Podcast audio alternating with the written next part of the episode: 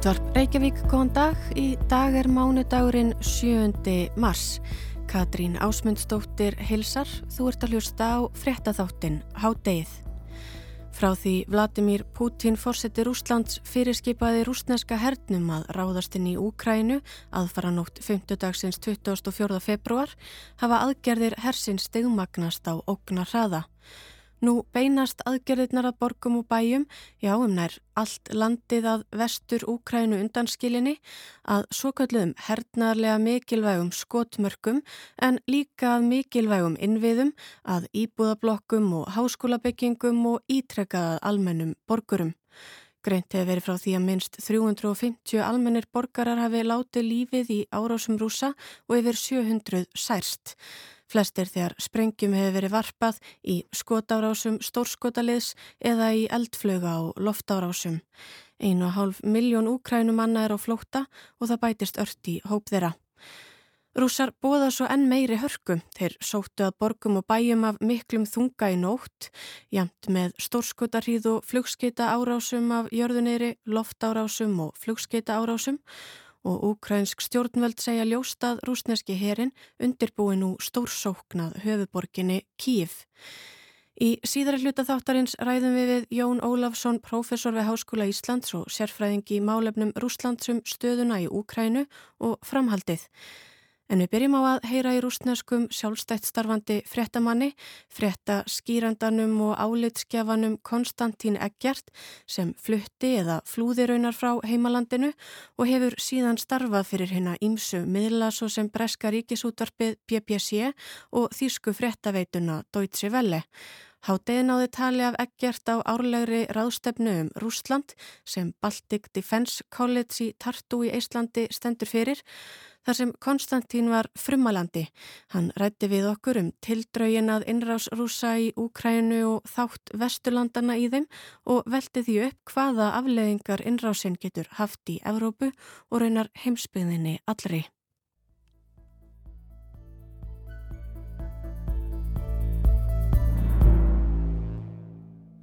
Konstantín segir að röð mistaka af hálfu Vesturlanda og að sjálfsögðu rúsa hafi átt þátti því að svo fórað rúsa réðust inn í Úkrænu. Fyrst beri þar að nefna heimsbyggilegan miskilning. I think the first failure is uh, philosophical if you wish, um, a failure of uh, perceptions. Uh. Það er að segja þá hugmynd vesturveldana sem kom upp að loknu kaldastriðinu að það væri ekki lengur þörf á afli, ekki lengur þörf á til dæmis vopnum, hergögnum, herjum og þvílika vörnum því nú gengi heimurinn fyrir öðrum öflum, svo sem öflum kapitalismans, það er fjárhagslegum hagsmunum, neysluhyggju og risasamsteipum sem nú réðu ferðinni. Sá miskilningur og það vanmat hafi gefið ákveðnum ríkjum mikilvægt foskott, ríkjum eins og Rúslandi, Kína og Íran, ríkjum sem gerir sér ekki bara grein fyrir mikilvægi krafta og abla heldur séu óhrætt við að nota þau. Because they haven't forgotten uh, that hard power is still important and they are prepared to use it. Í öðru lagi hefði vesturveldin ránglega talið spillingu vera hennu góða, talið að spilt fólk, spiltir þjóðarleituar, fær ekki stríð en það vildu þeir ekki stefna hagsmunum sínum í hættu.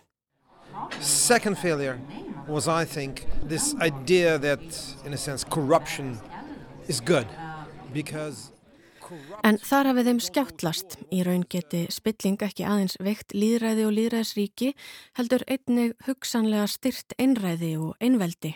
In the case of Mr. Putin and his oligarchs it turned out to be completely wrong too. Corruption weakens democracies but it could strengthen autocracies. Í þriðja lagi þurfum við að endurskoða og í raun umbylta mikilvægum alþjóðlegum stopnunum og starfsemi þeirra sem sé orðin miklu leiti. If you look at the role that, say, the United Nations or OEC played in this crisis in Europe, it was basically zero, apart from a few condemnations. So I think the, the, the, the, the, the conclusion from that is that a lot of things have to be refounded and um, rearranged. Í ofanálag segir Konstantína bandaríkjastjórn og Joe Biden bandaríkjafósetti hafi mögulega gert mistök með nálgun sinni á samband bandaríkjana við rúsnesk stjórnvöld og með framkomu sinni í garð Pútins rúslandsfósetta með því að sína honum virðingu og koma fram við hann eins og lögmætan þjóðarleitu að stórveldis hafi honum verið gefin svo hugmynda hann væri nú viðurkendur af alþjóða samfélaginu.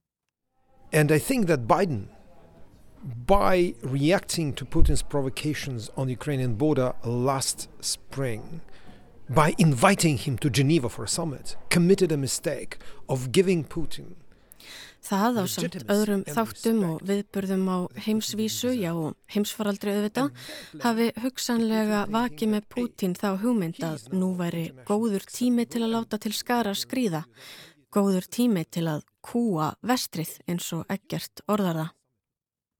You add to that COVID, and one thinks, okay, that's why he thought. That's good.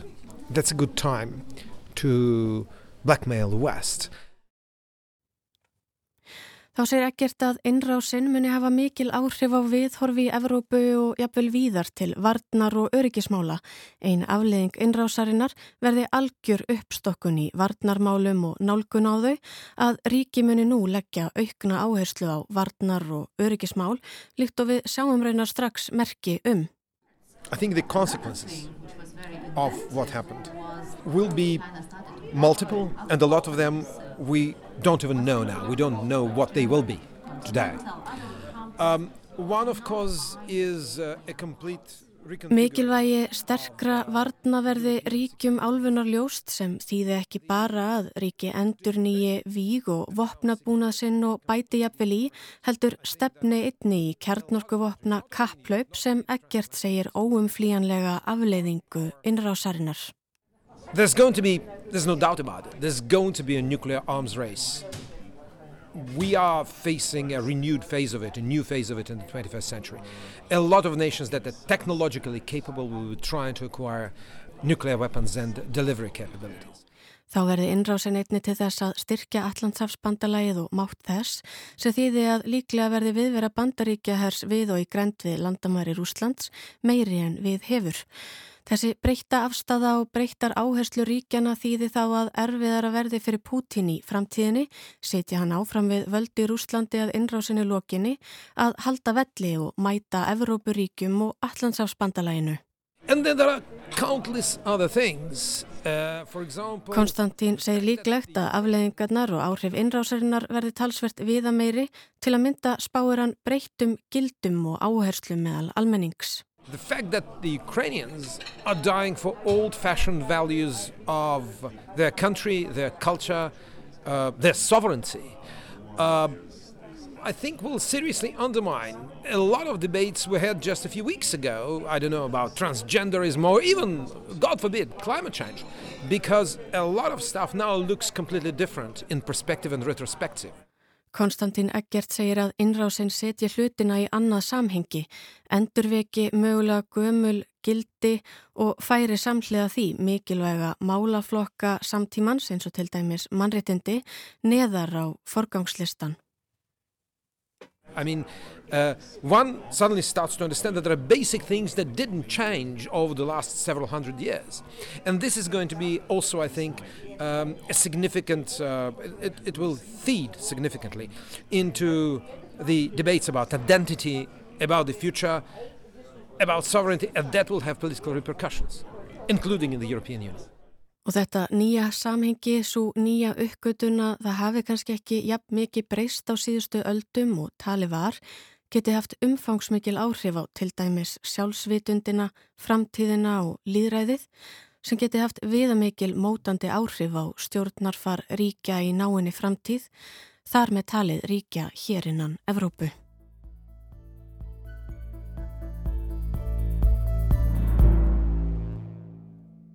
Frá því Vladimir Putin fósettir Úslands fyrirskipaði rúsneska hernum að ráðastinn í Úkrænu aðfara nótt 5. dagsins 24. februar hafa aðgerðir hersin stigmagnast á ógna hraða.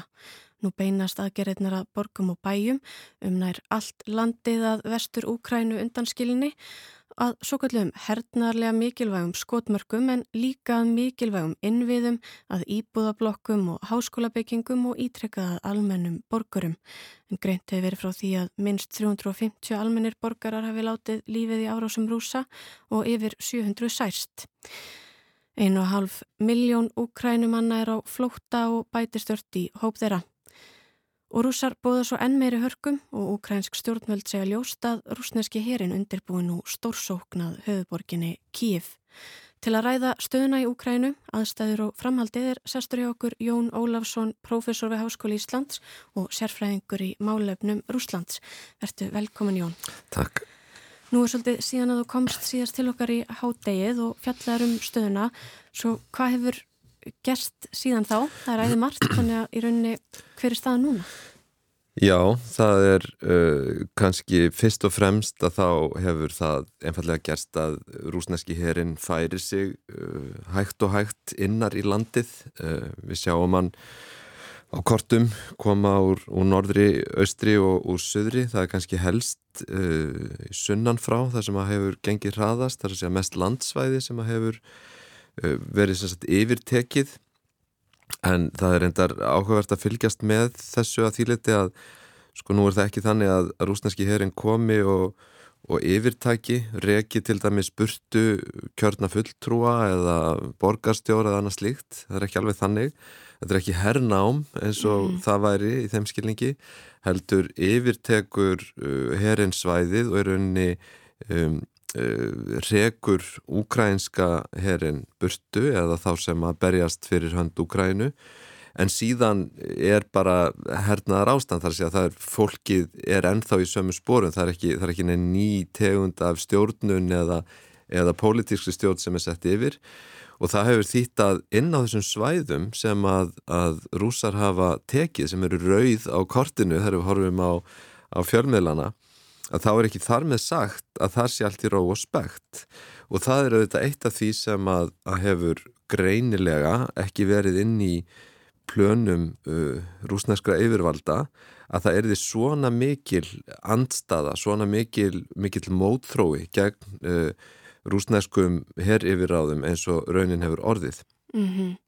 Þannig að við sjáum sko annarsvegar eh, er, er hlutinir að gerast hægt og hægt, rúsarnir eru auðvitað að taka yfir þetta, strí, þetta land og, og það er alveg sama hvernig við hugsaum málið þó að, þó að Úkræninu hér hafi staðið sig miklu betur en var búist við og þetta hefur gengið hægar heldur en við ættum vona á að þá, eh, þá, þá, þá fer þetta samt allt í bara í eina átt. Mm -hmm. Heldur að það sé kannski ástæða þessarar svona hröðu og miklu stigmögnunar í árásum eh, rúsneska hersins sem við verðum að horfa upp á uh, þessi óvænta mótspyrna eða óvænta andof úkrænumanna og þetta sko, manni finnst þetta að fara svo hratt og ört í uh, alvarlegri meiri harkalegri aðgerir mm -hmm. það getur vendalega ekki haldið þannig áfram bara út í hefðu óvendalega hvað? Sko, nú er uh, kannski spurning uh, hva, hvað maður kallar harkalegri aðgerir það hefur, það hafa verið sagt, hardir bardagar hér og þar uh, það hefur verið skotið úr stórskotilega skotið eldflögum og, og að þýleiti að þá hefur verið að beita kannski stórtakar í hernaðar tólum í dag heldur en fyrir viku mm -hmm. og það verðist vera stigmagnast á hinbóinu þá þá erum við kannski ekki ennfærin að sjá sko stórfælda eigðileggingu heilu borgarna og, og uh, það, það að vísu í Kharkiv uh, hefur greinilega mjög sagt, verið sagt, barist mjög hart. Og það kannski helst þar sem er svona mikil eigðilegging í, í borginni. Mm -hmm. en á öðrum stöðum að þá eru þetta meira uh, sagt, staðbundin átök og staðbundin skotrið Um, það sem að gæti gerst uh, og það eru auðvitað hrikaleg tilhúsun það er að, að, að rúsar beiti þeirri aðferð í auknum mæli sem þeir eru byrjaðir á að uh, umkringja borgirnar og, uh, og ef þeir ná ekki yfiráðum yfir þeim að því til dæmis að, að fólki á staðnum eða, eða þeir sá hluti þessi sem er þar ennþá heldur áfram að berjast að þá getum við náttúrulega búist við að það verði sagt, punta miklu meira úr stórskotaliði inn í, í borgirnar áður en þær eru teknar og þá náttúrulega sjáum við ríkarlega eðileggingu, ennþá meira mannfall og svo framvegis.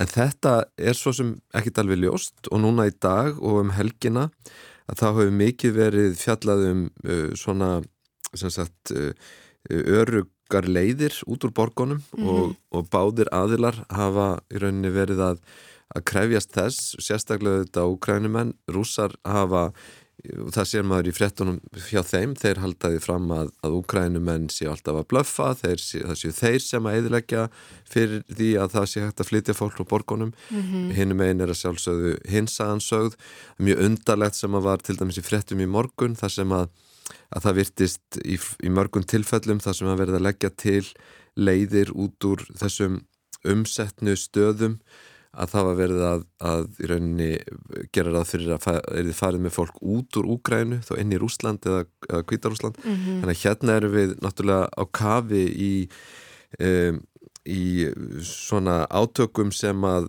sem eru át, átök um átök þar að segja að, að það er ekki tröst á milli aðila, ekki neitt og og, og hver og einn er auðvitað að reyna að notfæra sér aðstæðunar sérstaklega rúsar að reyna að notfæra sér þær aðstæður sem það geta til að knésétja úkrænumenn auðvitað og, og til þess að geta haldið betur upp í sínum áróður heima fyrir sem að gengur út á það að almenningur sé hlindur innrásinni en það séu einhverjir fasistar í Kíf sem að, að hérna, spilli því komið vekk fyrir að rúsa geti frelsað Úkrænu eins og þau kallaða Einmitt og svo ef maður sko hugsa um hvort það sé eitthvað eftir að segja til um hvað sé vændum og hvað Putin gerir næst. Við hefum talað um hér áður að það geti svona viðhorf almennings, hans eigin almennings geti skipt máli, hugsanlega mm -hmm. haft áhrif á hann og gjörður hans. En er mikil óanægja með uh, aðgerið Putins í heimalandinu nýtur hann stöðnings þjóðarsinnar? Sko, um, ég, ég held að það sé alltaf aldrei erfitt að svara þessu spurningu í Úsland þar sé hvað finnst almenningi raun og veru vegna þess að almenningsálið þar lítur aðeins öðrun lögmálum heldur en við erum vön úr okkar áratuga skoðana kannana hefð og svo framvegis hlutinni geta breyst mjög rætt mm -hmm. og, og þó að, að þessi stuðningur við eina stefnu í dag þá geta upplýsingar breytt í kiftfótonum undan enni mjög með mjög hröðum hætti. Ég held að samt sem að með segja í dag virðist vera mikill stöðningur innan Rúslands við þessar aðgerðir. Það er ekkert sem bendir til annars.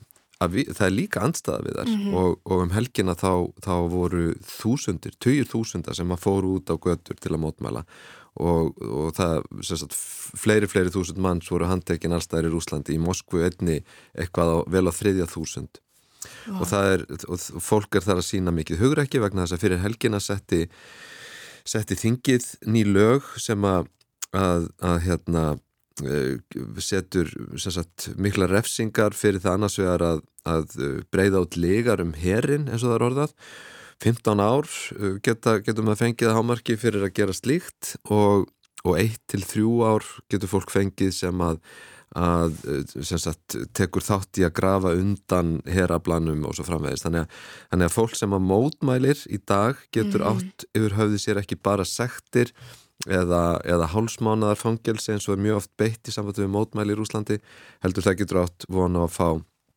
ákæru og, og dóm og þurft að setja inni í eins og segi 1-3 ár Þannig að hinga til þá mætir Putin andspilnu eigin almennings bara í rauninni af aukinni hörkuðum mitt, setur strengri lög, fleiri lög, fleiri já, skorður.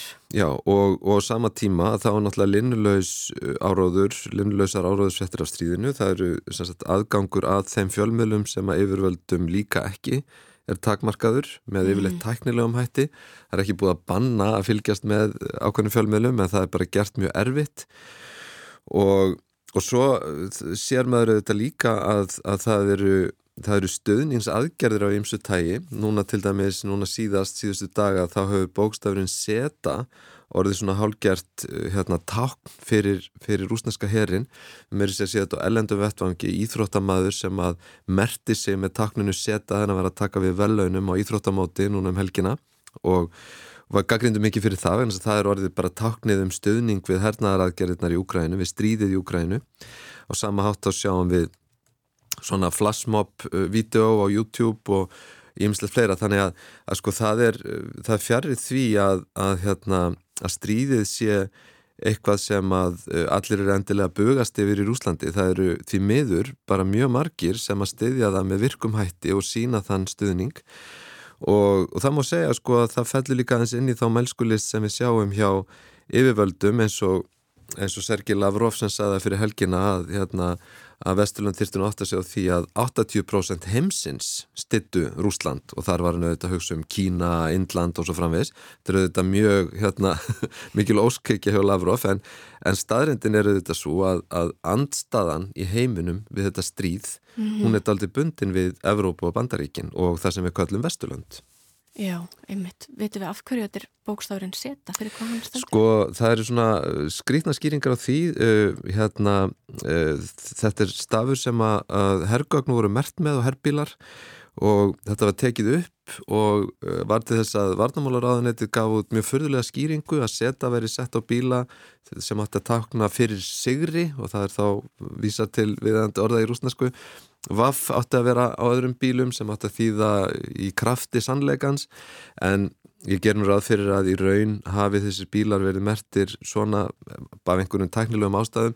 En svo er eins og gerist eitthvað svona merki þannig að er mhm. flugi og núna er þess að setan, vestranna setan ekki svo kýrilíska þess að segja svo sem er í okkar letri en ekki því rúsneska að hún er að verða einhvers konar einhvers konar takn sem er notað í alls konar samhengi til að lýsa yfir stöðningi við stríðsaðgerði rúsa í Ukrænu.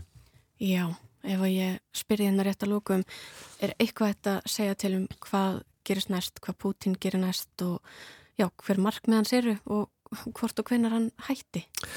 Sko nú er verið að, að spá stórfældum aðgerðum og, og þegar ég sé það bæði frá Selenski sjálfum og bara í af alls konar spekulandum að þá gerir maður að fyrir að það séu stórskotaliðs árásir og miklu svona harðari Eh, og hraðari framrás. Mér finnst ekkit ólíklæra að framrásin verði hæg og það verði reynd að forðast mannfall en, en um leið þrengt að borgum og stöðum tímin nýttur til að koma sér betur fyrir. Maður sér á kortinu líka að rúsneski herrin er sumstaðar í mjög viðkvæmri stöðu mm -hmm. þannig að, að rúsarni munu hugsa ég fyrst og fremst reyna að styrkja stöðu sína á næstu dögum. Einmitt. Því komst í miður ekki lengra með þetta sinni. Kæra þakkir fyrir komuna í hádegið Jón Ólfsson, professor við Háskóli Íslands og sérfræðingur í málefnum Rúslands. Takk sem leðis. Hádegið er þá á enda í dag. Við verum hér áttur á sama tíma á morgun. Þátturinn er einni aðgengilegur í spilaranum og hlaðvarpsveitum og hægtur að senda okkur post með ábendingum á netfangið hádegið hjá rúf.is. Verið sæl.